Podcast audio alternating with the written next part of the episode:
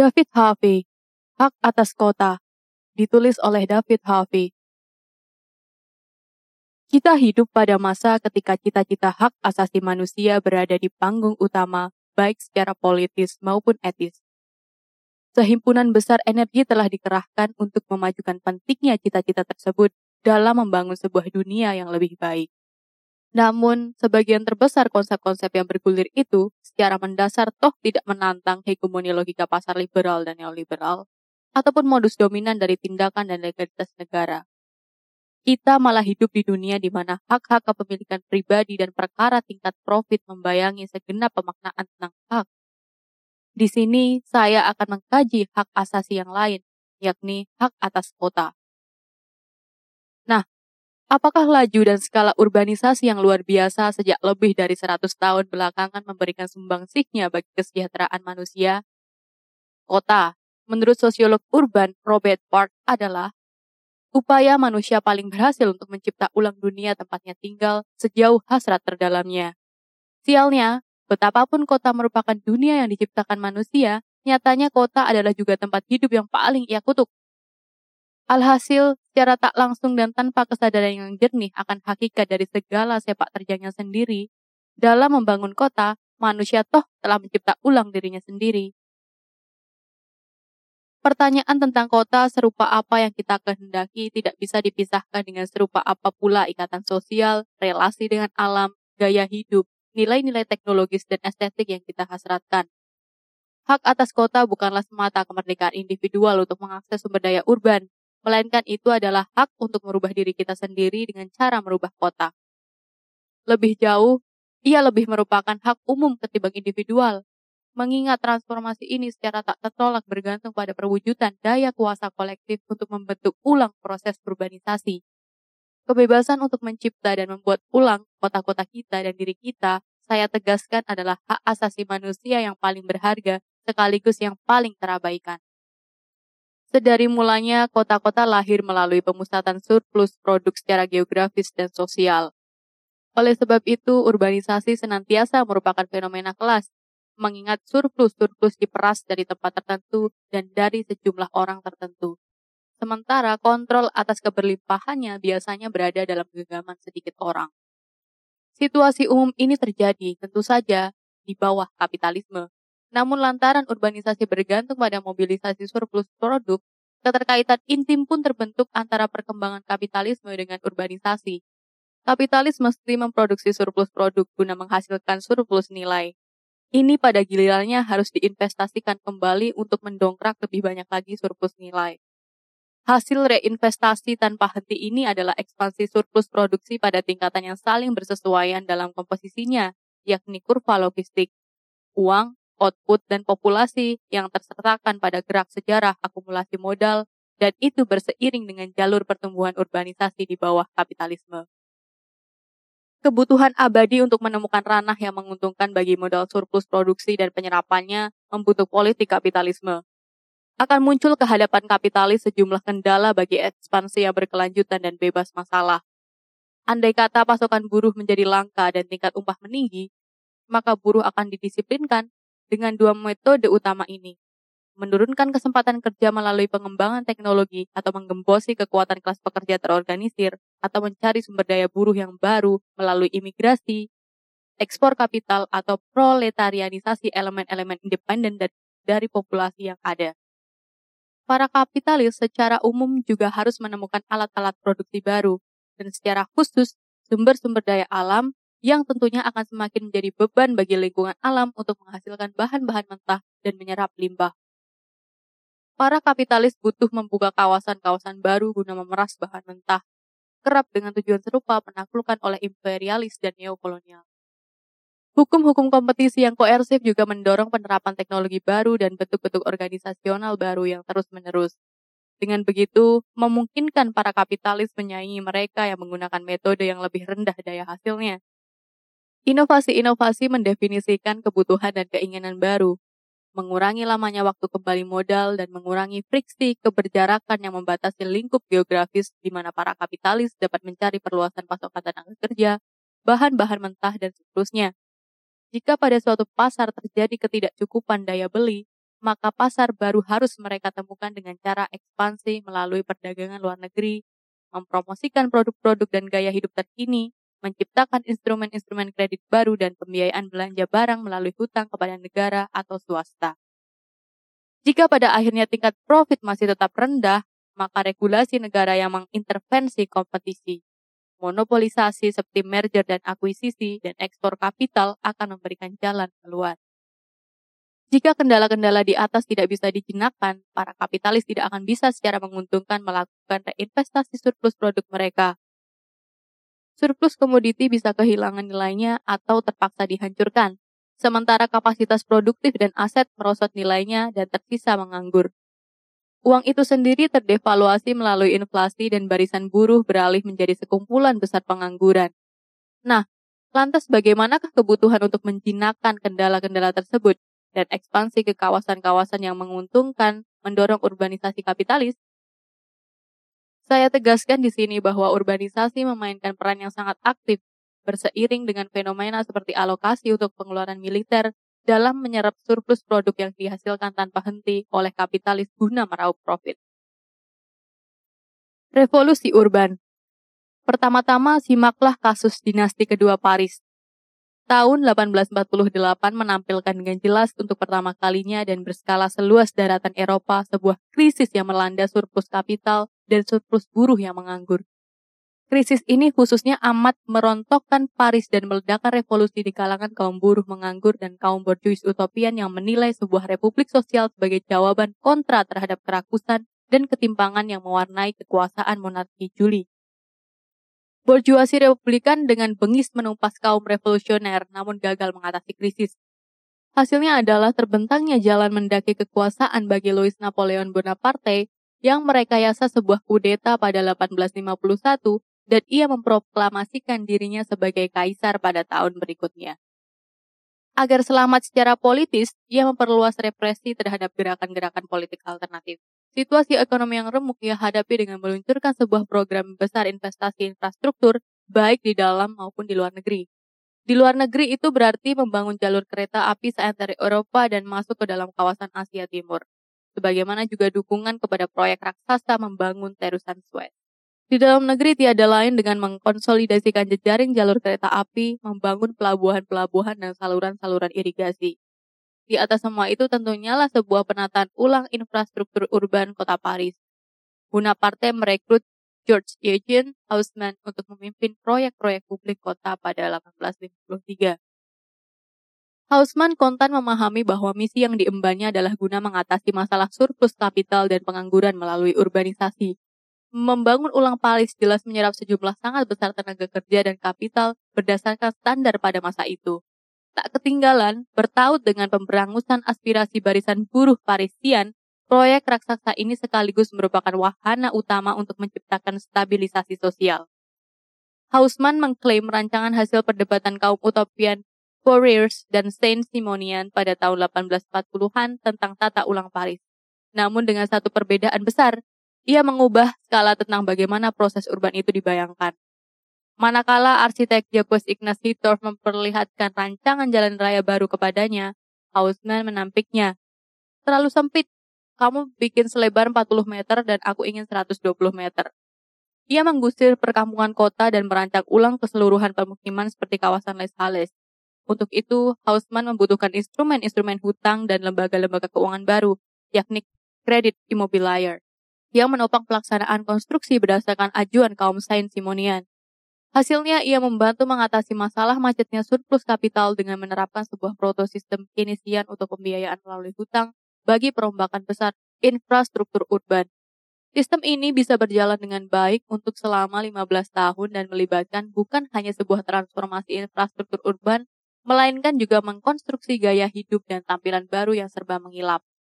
Paris menjadi kota cahaya, pusat besar konsumsi, kawasan turisme dan kenyamanan kafe-kafe, pusat-pusat pertokoan, industri fashion, dan pameran-pameran akbar semua mengubah kehidupan urban sehingga dapat menyerap setumpukan maha besar surplus-surplus melalui konsumerisme. Namun kemudian sistem finansial dan struktur kredit yang diguyurkan habis-habisan dan spekulatif itu pun rontok pada 1868. Hausman dipecat. Napoleon III yang frustrasi malah menyatakan perang melawan kekaisaran Bismarck Jerman dan kalah. Di tengah kekosongan kekuasaan muncul Komun Paris, yakni episode revolusioner terbesar dalam sejarah urban kapitalis. Komun memperjuangkan untuk sebagian demi kenangan akan dunia yang telah dihancurkan oleh Haussmann dan sebagian lainnya didorong hasrat merebut kembali kota demi mereka yang telah dihabisi oleh proyek Haussmann. Kita meloncat ke Amerika Serikat tahun 1940-an. Upaya mobilisasi besar-besaran menuju medan perang. Untuk sementara bisa mengatasi masalah kemacetan surplus kapital yang tampaknya begitu ngotot menjagiti sejak 1930-an, dan itu disertai gelombang pengangguran yang parah. Namun setiap orang merasa sangat cemas akan apa yang terjadi setelah perang. Secara politik, ini situasi yang amat berbahaya. Pemerintah federal sebagai akibatnya menjalankan nasionalisasi ekonomi dan bekerja sama dengan Uni Soviet Komunis, sementara gerakan-gerakan sosial yang kuat dengan kecenderungan sosialis sudah bermunculan sejak 1930-an. Sebagaimana pada masa Louis Bonaparte, sepaket besar represi politik pada akhirnya diterapkan oleh kelas-kelas penguasa pada masa itu. Lalu bergulir ke sejarah berikutnya tentang McCarthyism dan politik perang dingin yang gejala-gejalanya sudah tampil teramat banyak sejak awal 1940-an sebuah cerita yang sangat sering kita dengar. Pada hamparan ekonomi tetap nangkring masalah bagaimana surplus kapital dapat diserap. Pada 1942, sebuah ulasan menyeluruh mengenai upaya Haussmann muncul di jurnal Forum Arsitektural.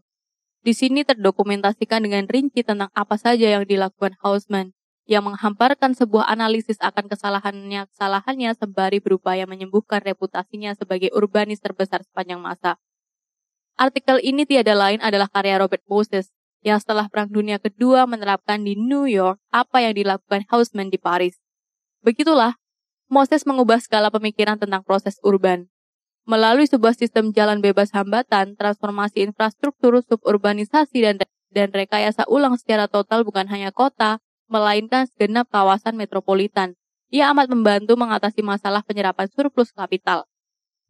Untuk itu, ia mengundang tatanan manajemen perpajakan dan lembaga-lembaga keuangan baru yang meliberalisasikan kredit menjadi pembiayaan hutang untuk ekspansi urban. Manakala dibawa ke lingkup nasional, yakni ke seluruh pusat metropolitan utama di Amerika alias skala transformasi yang lain, proses ini memainkan peran krusial dalam stabilisasi kapitalisme global setelah 1945. Ini sepenggalan periode di mana Amerika Serikat sukses menguasai segenap perekonomian global non-komunis dengan menjalankan perdagangan defisit. Suburbanisasi Amerika Serikat bukanlah sekedar persoalan infrastruktur-infrastruktur baru. Seperti dinasti kedua Paris, ia juga menyertakan transformasi radikal dalam gaya hidup.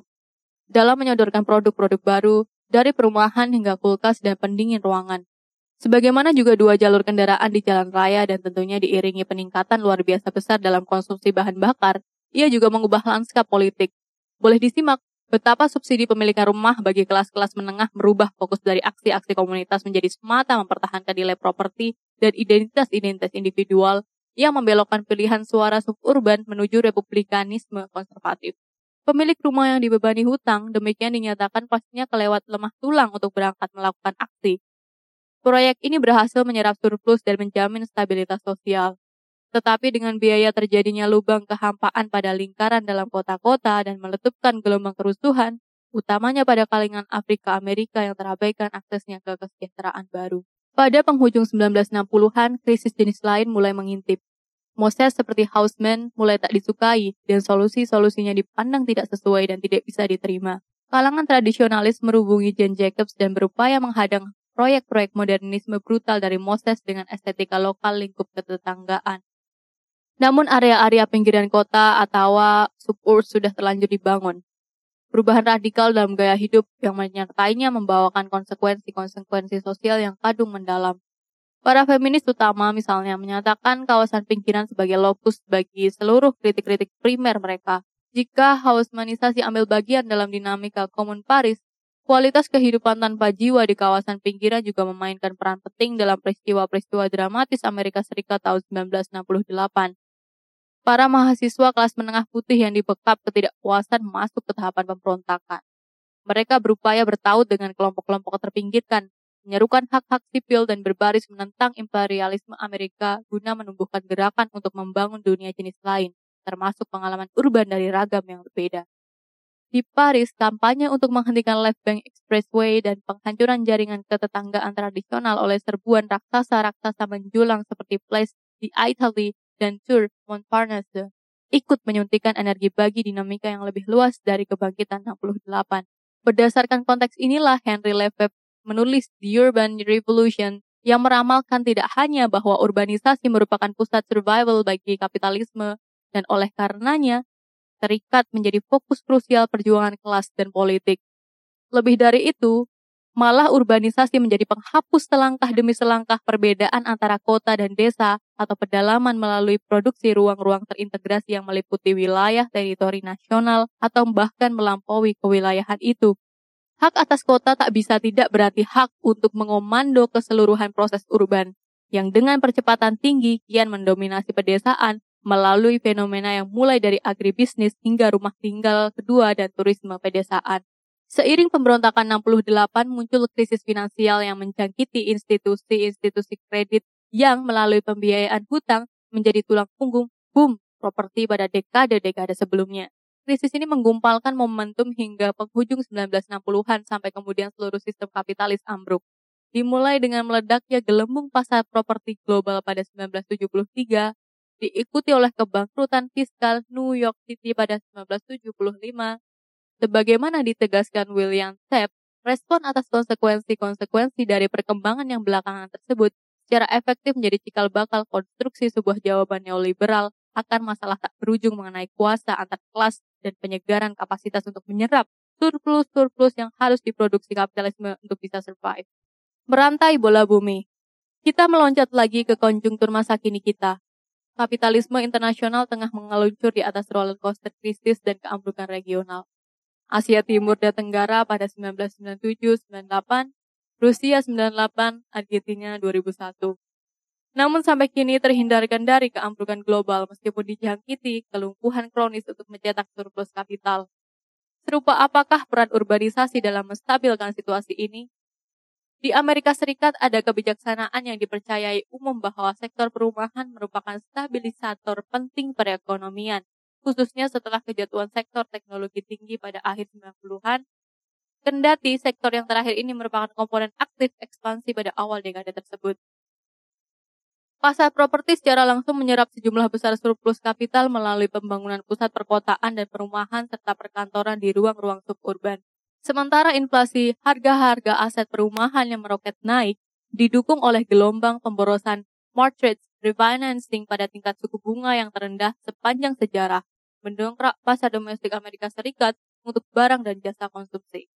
Ekspansi urban Amerika untuk sebagian sukses menjinakkan perekonomian global. Sambil secara berbarengan, Amerika Serikat menjalankan perdagangan defisit yang maha besar terhadap perdagangan dunia. Dengan melakukan pinjaman sekitar 2 miliar dolar setiap harinya guna melicinkan kerakusan konsumerismenya dan pembiayaan perang-perang di Afghanistan dan Irak. Namun proses urban toh pernah menjalani skala transformasi yang lain. Ia, ringkas kata, telah mendunia. Pasar properti yang berkilau di Inggris dan Spanyol, sebagaimana juga di banyak negara lainnya, menyuntikkan tenaga bagi dinamika kapitalis secara meluas berseiring dengan apa yang terjadi di Amerika Serikat. Urbanisasi di Cina pada 20 tahun terakhir menampilkan karakter yang berbeda dengan tekanan utama pada pembangunan infrastruktur. Namun ini malah lebih penting ketimbang yang dijalankan di Amerika Serikat, Kecepatannya melesat luar biasa setelah resesi singkat pada 97, sampai kemudian Cina menguasai nyaris setengah dari pasokan semen dunia sejak tahun 2000. Lebih dari 100 kotanya telah melewati jumlah populasi 1 juta orang dalam periode ini, yang dulunya kampung kecil seperti Shenzhen telah menjadi metropolis raksasa dengan jumlah penduduk mencapai 6 hingga 10 juta orang. Proyek infrastruktur raksasa termasuk bendungan dan jalan tol lagi-lagi dengan semua atas pembiayaan hutang telah mentransformasi habis landscape kawasan. Konsekuensi-konsekuensi terhadap ekonomi global dan penyerapan surplus kapital menunjukkan peran signifikan. Boom, ekonomi Chili berterima kasih kepada tingginya harga timah dunia, kesuksesan pulihnya Australia dan bahkan Brasil, serta Argentina untuk sebagian lantaran kuatnya permintaan dari Cina akan bahan-bahan mentah. Apakah lantas urbanisasi Cina menjadi stabilisator primer kapitalisme global kini? Jawabannya mesti dikualifikasikan ya. lantaran Cina adalah satu-satunya pusat gempa atau epicentrum sebuah proses urbanisasi yang sekarang menjadi sepenuhnya global. Itu untuk sebagian berkat integrasi yang dahsyat dari pasar-pasar keuangan yang memanfaatkan kelenturan untuk memberikan pembiayaan hutang pembangunan urban di seantero dunia. Bank Sentral Cina misalnya telah sangat aktif terjun ke pasar sekunder surat-surat berharga di Amerika Serikat. Sementara Goldman Sachs justru amat jauh melibatkan diri dalam penyelamatan pasar properti di Mumbai dan kapital Hong Kong diinvestasikan di Baltimore. Di tengah-tengah gelombang pemiskinan migran, sektor konstruksi mencetak booming di Johannesburg, Taipei, Moskow, sebagaimana juga di kota-kota negara-negara utama kapitalis seperti London dan Los Angeles. Proyek-proyek mega urbanisasi yang bikin melongo jika tidak mau dikatakan absurd kriminal bermunculan di Timur Tengah menggantikan tempat-tempat seperti Dubai dan Abu Dhabi. Dan itu sekalian mencuci surplus yang dihasilkan dari kekayaan minyak yang sangat gamblang, menampilkan ketimpangan sosial dan penghancuran lingkungan alam sejauh dimungkinkan. Lingkup berskala global ini membuat sulit untuk menolak bahwa apa yang terjadi pada prinsipnya serupa dengan transformasi-transformasi yang dijalankan Haussmann di Paris. Boleh disimak booming urbanisasi global yang semakin dalam sebagaimana dijalani semua yang lain sebelumnya tak lain berkat konstruksi institusi-institusi keuangan baru dan pemapanan tatanan untuk mengelola kredit yang dibutuhkan untuk menopang proses tersebut. Inovasi-inovasi manajemen finansial terjadi berangkaian sejak 1980-an. Proses penjaminan dan bentukan paket-paket mortgages lokal untuk ditawarkan kepada para investor di seluruh dunia dan penciptaan wahana-wahana baru untuk memapankan penjaminan kewajiban-kewajiban hutang memainkan peranan yang sangat penting. Profit yang dijanjikan oleh peranata-peranata finansial tersebut sungguh melimpah, termasuk pelebaran risiko dan terbuka lebarnya kemungkinan meraup surplus tabungan untuk mengakses dengan lebih mudah ke surplus demand sektor perumahan. Perkembangan tersebut juga menurunkan tingkat suku bunga agregat sembari menciptakan kesempatan emas bagi kalangan pemain keuangan untuk menangguk mukjizat. Namun pelebaran risiko tidak menghapuskan ini. Lebih jauh, fakta bahwa ia dapat didistribusikan begitu meluas melahirkan pemain-pemain lokal yang bahkan lebih nekat berisiko. Lantaran liability dapat ditransfer ke mana saja.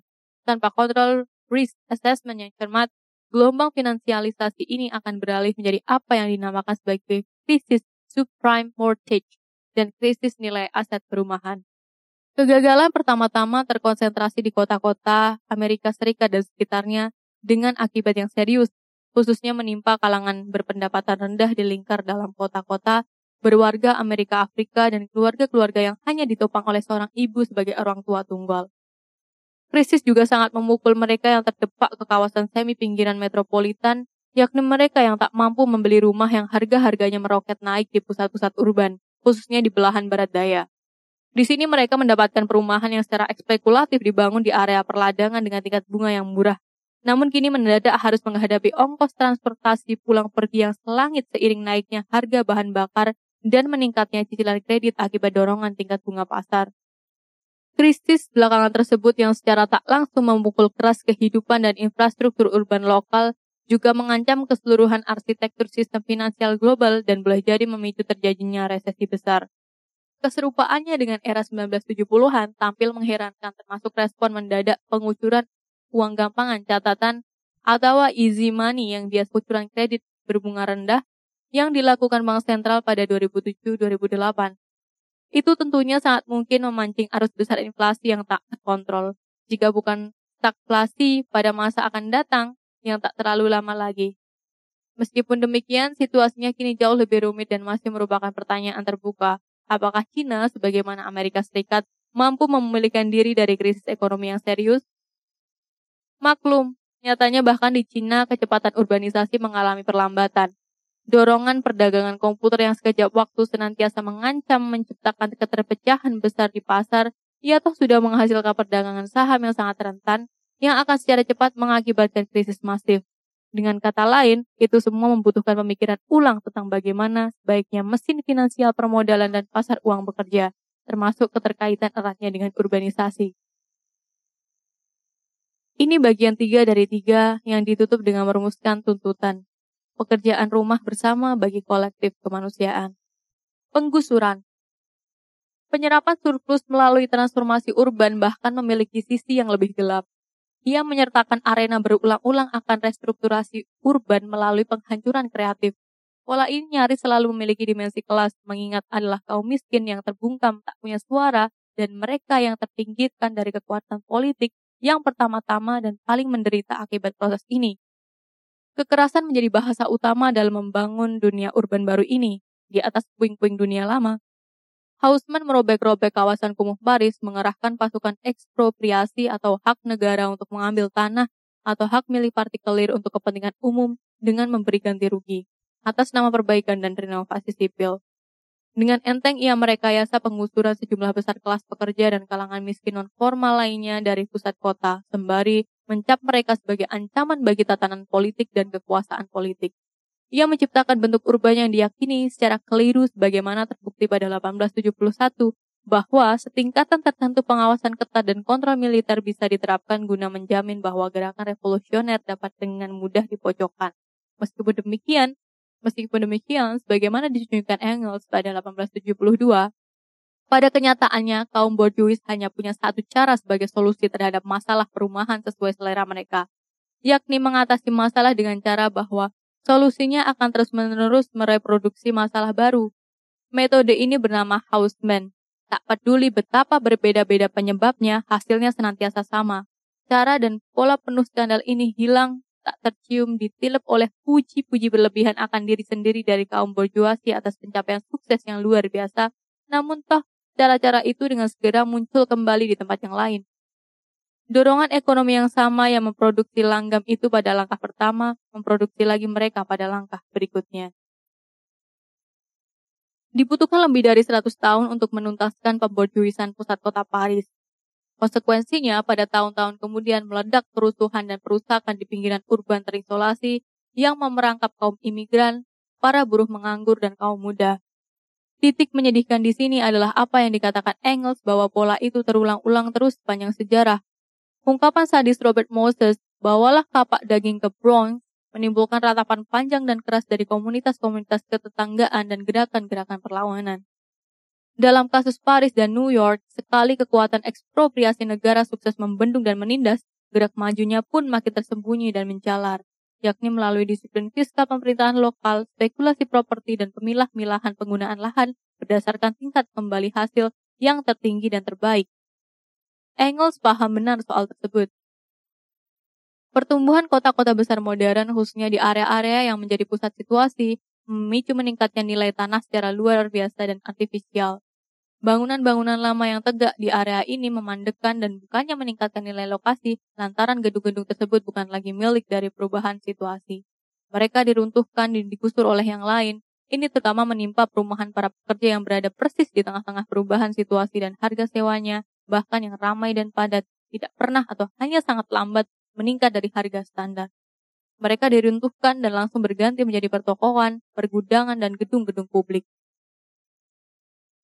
Meskipun amatan itu ditulis Engel pada 1872, namun toh juga langsung menjelaskan pembangunan urban kontemporer di banyak kawasan Asia, Delhi, Seoul, Mumbai, bagaimana juga gentrifikasi atau penataan ulang di New York.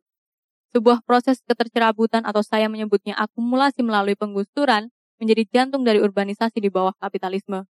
Ia adalah cermin dari penyerapan kapital melalui pembangunan ulang urban. Ia menyulut peningkatan sejumlah besar konflik terkait penyerobotan tanah-tanah bernilai dari populasi berpendapatan rendah yang tinggal di sana sejak bertahun-tahun sebelumnya. Simaklah kasus Seoul pada 1990-an. Perusahaan konstruksi dan Para pengembang menyewa sekumpulan pegulat sumo menjadi pasukan penyerbu komunitas-komunitas ketetanggaan di perbukitan kota. Pasukan itu memartil runtuh bukan hanya rumah-rumah tetapi juga harta benda milik mereka yang telah membangun rumah tinggal mereka sendiri sejak 1950-an. Lahan itu mendadak menjadi kawasan emas. Gedung-gedung pencakar langit yang nyaris tidak meninggalkan jejak brutalitas tersebut kini menutupi perbukitan itu. Sementara di Mumbai, 6 juta manusia secara resmi dianggap sebagai gelandangan kumuh yang menghuni tanah-tanah tanpa status hukum. Semua peta kota menampilkannya sebagai kawasan kosong. Sehubungan upaya menyulap Mumbai menjadi pusat keuangan global guna menandingi Shanghai, boom, pembangunan properti pun berancang-ancang dan kawasan yang diduduki para gelandangan kontan meningkat nilainya. Dharavi, salah satu kawasan kumuh paling terkenal di Mumbai, ditaksir menjadi senilai 2 miliar dolar. Tekanan untuk membersihkan kawasan ini atas alasan kesehatan lingkungan dan sosial digembar-gemborkan setiap hari. Kuasa-kuasa keuangan yang didukung penuh negara mendorong pembersihan kekumuhan secara paksa. Dalam beberapa kasus dengan tindakan kekerasan merampas kawasan yang sudah diduduki selama beberapa generasi. Akumulasi kapital melalui aktivitas real estate mencetak boom antara lain berkat perampasan tanah tersebut yang nyaris tanpa mengeluarkan biaya. Apakah rakyat yang digusur memperoleh kompensasi? Yang beruntung memang mendapat sedikit. Konstitusi India menandaskan bahwa negara berkewenangan untuk melindungi kehidupan dan kemakmuran seluruh populasi tanpa menimbang kasta atau kelas, dan untuk menjamin hak-hak akan perumahan dan tempat bernaung. Mahkamah Agung meluncurkan penilaian yang menggergaji pesan konstitusional tadi, lantaran penghuni kekumuhan itu merupakan penduduk ilegal dan banyak yang tak dapat membuktikan masa tinggal mereka yang lama, maka mereka tidak berhak memperoleh ganti rugi. Jika memaksakan hak itu, demikian menurut Mahkamah Agung, akan sama saja dengan memberi hadiah kepada para pencopet atas aktivitas mereka. Alhasil, pilihan bagi para penduduk itu hanya bertahan lalu bertempur, atau pindah dengan harta benda sekadarnya untuk berkemah di sepanjang sisi jalan tol dan tempat-tempat kecil lain yang bisa mereka temukan. Contoh perampasan juga ditemukan di Amerika kendati prosesnya cenderung tidak terlalu brutal dan lebih legalistik. Hak-hak pemerintah akan lokasi-lokasi publik diselewengkan guna menggusur perumahan-perumahan yang sudah mapan demi menggaruk pemanfaatan lahan yang lebih menguntungkan seperti kondominium dan pertokoan. Jika ini digugat ke Mahkamah Agung Amerika, lembaga peradilan mengatur bahwa merupakan sesuatu yang konstitusional bagi keputusan hukum lokal untuk berlaku demikian guna memperluas basis pajak mereka. Di Cina, jutaan manusia dirampas ruang kehidupannya yang telah amat lama mereka tinggali. Mencapai 3 juta orang hanya di Beijing saja. Oleh sebab mereka tidak mengantongi hak pemilikan properti, secara gampangan saja negara dengan otoritasnya menggusur mereka. Sejumlah kecil pembayaran membuat mereka pergi, dan lahan pun dialihkan kepada para pengembang demi keuntungan yang besar. Dalam beberapa kasus, orang-orang berpindah secara sukarela, namun telah ada beberapa kabar tentang perlawanan yang meluas. Mudah ditebak, responnya adalah penindasan yang brutal oleh Partai Komunis. Di Republik Rakyat Cina, kerap kali mereka yang tercerabut paksa adalah populasi di pedesaan pinggiran yang sekaligus menggambarkan betapa pentingnya argumen Lefebvre yang sudah memperkirakan dari sejak tahun 1960-an. Persisnya soal perbedaan jelas yang pernah ada antara yang urban dengan yang pedesaan, untuk kemudian secara berangsur-angsur menghilang menjadi sekumpulan ruang-ruang serba bolong sebagai tampilan ketimpangan pembangunan geografis di bawah komando hegemoni kapital dan negara. Hal ini juga terjadi di India di mana pemerintahan pusat dan daerah memilih pemapanan zona-zona khusus ekonomi yang pastinya lah untuk pembangunan industrial meskipun kebanyakan kawasan dirancang untuk urbanisasi. Kebijakan ini meledakkan perlawanan keras dari kalangan produsen pertanian. Yang terbesar adalah kasus pembantaian di Nandigram di Bengalia Barat pada Maret 2007 yang dilakukan oleh pemerintah negara bagian yang justru berhaluan Marxis. Berniat membuka dan membersihkan lahan untuk grup Salim, konglomerat bisnis dari Indonesia, partai yang berkuasa mengarahkan polisi bersenjata untuk membungkam protes penduduk pendesaan, sedikitnya 14 penduduk ditembak mati dan puluhan luka-luka berat. Hak pemilikan pribadi dalam kasus ini dihantam tanpa perlindungan. Merujuk Hernando de Soto, maka ajuan progresif apakah yang tampaknya dikedepankan untuk memberi hak pemilikan properti kepada populasi yang menduduki suatu kawasan tanpa status formal yakni semacam pemberian aset guna memungkinkan mereka beranjak dari kemiskinannya. Salah satu contoh sebuah skema tertentu kini dijalankan bagi kaum gelandangan di kota Rio, Brasil. Lantaran amat terjerat oleh situasi morat-marit ketiadaan penghasilan dan sangat sering dibelit kesulitan keuangan, kaum miskin ini gampang terbujuk menjual aset tersebut dengan harga murah yang sekenanya. Adapun kaum kayanya tentu menolak memberikan asetnya yang bernilai dengan harga berapapun. Itu sebabnya Moses enteng memilih menenteng kapak ke golongan miskin di Bronx dan bukan ke kaum makmur di Park Avenue. Sementara itu, akibat belakangan dari gelombang privatisasi perumahan sosial yang diluncurkan Margaret Thatcher di Inggris, telah menciptakan struktur sewa dan harga di sekujur metropolitan London. Bukan hanya kalangan berpendapatan rendah, bahkan juga kelas menengah pun terdepak aksesnya untuk mengakomodasi dari penjuru mana pun yang terdekat ke pusat urban. Saya kira dalam tempo 15 tahun jika pola yang sekarang masih berlanjut, segenap perbukitan di Rio yang kini masih dihuni kaum gelandangan akan penuh tertutupi oleh kondominium menjulang dengan jendela-jendelanya berpemandangan pantai yang bikin takjub. Adapun para gelandangan bekas penghuni di sana akan tersaring raib ke pinggiran jauh. Merumuskan tuntutan Urbanisasi boleh kita simpulkan memainkan peran amat krusial dalam menyerap surplus-surplus kapital pada setiap peningkatan skala geografis. Namun dengan biaya proses berjuisasi melalui penghancuran kreatif yang merampok setiap hak masa akan kota di mana pun, planet sebagai situs bangunan pertubrukan dengan planet kekumuhan meminjam istilah Mike Davis, secara periodik ini berujung pada pemberontakan sebagaimana pecah di Paris 1871 atau di Amerika Serikat tak lama sesudah pembunuhan Martin Luther King pada 1968. Jika kelihatannya kebuntuan kebutuhan fiskal memuncak dan hingga sekarang tahapan neoliberal postmodernis dan konsumeris yang berjaya dari penyerapan surplus kapitalis melalui urbanisasi tengah menjurus pada ujungnya dan krisis luas merebak, maka pertanyaannya, di manakah kebangkitan 68 kita? Atau lebih dramatisnya, versi kita akan komun. Sebagaimana sistem finansial, jawabannya akan membeli jauh lebih rumit persisnya karena proses urban sekarang berada dalam lingkup global. Tanda-tanda pemberontakan ada di mana-mana.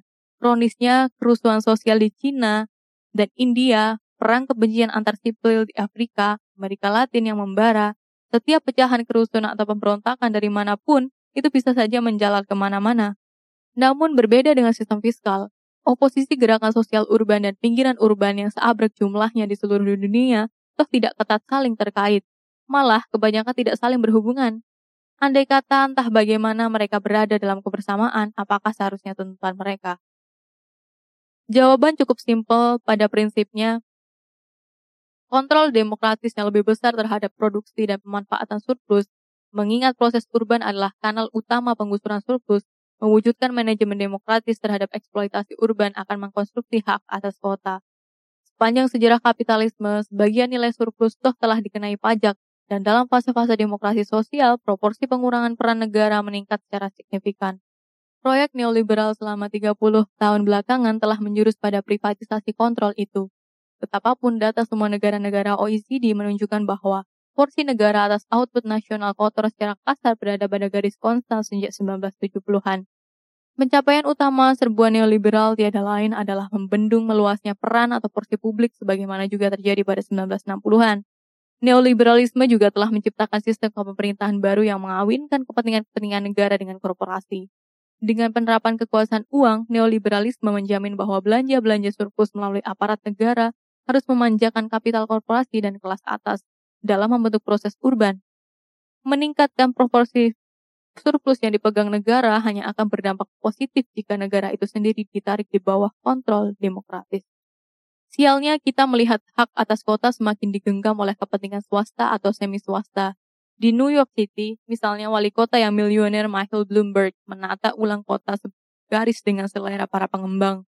Wall Street dan elemen-elemen kelas kapitalis transnasional.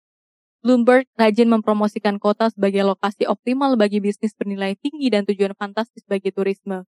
Pada gilirannya, ia merubah Manhattan menjadi gerbang yang sepenuhnya diperuntukkan bagi komunitas kaya, di Meksiko, Carlos Slim menutupi jalanan pusat kota dengan paving block guna kenyamanan turis. Tidak hanya perorangan makmur yang menerapkan kekuasaan langsungnya. Di kota New Haven, lantaran kekurangan sumber daya reinvestasi urban, maka ada Yale, salah satu universitas terkaya di dunia yang menebar penataan ulang sebagian besar tatanan urban yang sesuai kebutuhannya. Begitu juga Universitas John Hopkins terhadap Baltimore Timur dan rancangan-rancangan Universitas Columbia untuk beberapa area di New York. Dua terakhir ini meletupkan perlawanan gerakan komunitas-komunitas ketetanggaan.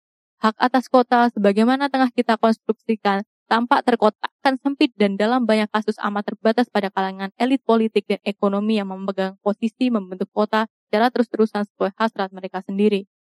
Setiap bulan Januari, kantor kontroler negara bagian New York menerbitkan perkiraan bonus-bonus total Wall Street selama 12 bulan sebelumnya.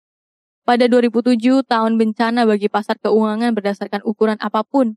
Angka bonus yang terbagikan mencapai 33,2 miliar dolar, atau cuma 2% lebih kecil dari tahun sebelumnya. Pada pertengahan musim panas 2007, Federal Reserve dan Bank Sentral Eropa menggelontorkan miliaran dolar kredit jangka pendek bagi sistem finansial guna menjamin stabilitasnya. Disusul dengan penurunan tingkat bunga secara drastis oleh Fed sembari memompakan sejumlah besar likuiditas saban bursa Dow Jones terancam jatuh secara drastis. Sementara, sekitar 2 juta orang biasa terdepak menggelandang kehilangan rumahnya akibat foreclosure pengambilan surat-surat rumah yang termasuk mortgages atau hipotek oleh lembaga keuangan karena cicilan macet. Banyak ranah ketanggaan kota dan bahkan segenap komunitas-komunitas pinggiran urban di Amerika terbungkam dan dirangsek, terobek-robek oleh praktik predator utang piutang lembaga-lembaga keuangan. Tak ada bonus untuk populasi ini, malah lantaran foreclosure yang berarti pengampunan hutang yang di Amerika dianggap sebagai pendapatan, banyak yang mendadak diobrak oleh tagihan pajak pendapatan teramat tinggi atas uang yang tidak pernah mereka pegang sebagai milik mereka. Ketimpangan ganjil ini tidak bisa ditafsirkan secara lain kecuali sebagai bentuk konfrontasi kelas yang amat keras. Demikianlah tergerainya badai Katrina finansial yang membuka peluang bagi para pengembang namun mengancam tergusurnya komunitas-komunitas berpendapatan rendah, penghuni lahan berpotensi tinggi di kebanyakan lingkar pusat kota, menjadi badai yang jauh lebih efektif dan lebih cepat menyapu habis ketimbang cara-cara lain yang sudah dikenal sebelumnya. Kita juga menyaksikan oposisi yang berarti terhadap perkembangan ini pada abad ke-21. Ada banyak tentunya gerakan sosial yang luas beragam yang memusatkan perhatian pada problem urban dari India dan Brasil hingga Cina, Spanyol, Argentina, dan Amerika Serikat. Pada 2001, gerakan sosial di Brasil berhasil menyelipkan sebuah statuta kota ke dalam konstitusi Brasil yang menegaskan hak kolektif atas kota di Amerika terhadap sejumlah 700 miliar dolar yang dicadangkan untuk menjamin lembaga-lembaga keuangan atau bailout diserukan untuk dialihkan ke bank rekonstruksi, yakni bank yang membantu menghadapi foreclosure dan mendanai upaya-upaya merevitalisasi ranah hidup ketetanggaan dan pembaharuan infrastruktur pada tingkatan munisipal. Maka kemudian krisis urban yang amat berdampak terhadap jutaan orang menjadi diprioritaskan di atas kebutuhan para investor besar dan pemain keuangan. Sayangnya, gerakan-gerakan sosial tidak cukup kuat atau kurang termobilisasi untuk mendesakkan solusi-solusi versi mereka. Juga pergerakan ini belum terpadu pada bidikan tunggal untuk merebut kontrol yang lebih besar atas pemanfaatan surplus atau katakanlah kontrol terhadap kondisi-kondisi produksi surplus. Pada titik sejarah ini, ia harus merupakan perjuangan global, terutama melawan kapital keuangan karena berkat itulah proses urbanisasi pada skala terkininya bisa beroperasi. Memanglah upaya politik untuk mengorganisasikan sebuah perlawanan bukan soal mudah, untuk tidak dikatakan bisa merontokkan tulang. Betapapun demikian, kesempatan dan kemungkinannya berlipat-lipat, sebab sebagaimana ditunjukkan oleh sejarah ringkas ini, krisis-krisis muncul berulang di seputar urbanisasi baik lokal maupun global. Dan juga karena metropolis kini adalah titik benturan masif, beranikah kita menyebutnya perjuangan kelas atas akumulasi melalui penggusuran yang menghampiri kaum kaya dan dorongan pembangunannya berupaya mengkoloni ruang bagi kenyamanan kaum makmur. Satu langkah ke depan untuk memadukan perjuangan ini adalah dengan mengadopsi hak atas kota baik sebagai slogan yang operasional maupun sebagai ideal politik. Persisnya karena ia memusatkan perhatian pada masalah siapa yang memberi komando terhadap keterkaitan tak tertolak antara urbanisasi dengan surplus produksi beserta penggunaannya. Demokratisasi akan hak tersebut dan membangun gerakan sosial yang meluas untuk menegakkan hak tersebut adalah sesuatu yang mendesak. Jika mereka yang dirampok memang berkehendak merebut kembali kendali hidup yang sudah lama terabaikan dan juga jika mereka berkehendak membangun urbanisasi dengan langgam baru, Lefebvre benar dengan menegaskan bahwa revolusi haruslah urban dalam makna terluasnya atau tidak sama sekali. Naskah David Harvey Right to the City dimuat di New Left Review edisi 53 September-Oktober 2008 yang kemudian diterjemahkan oleh Ismantoro Dwi Yuwono yang dibacakan dalam sesi ini. Terima kasih.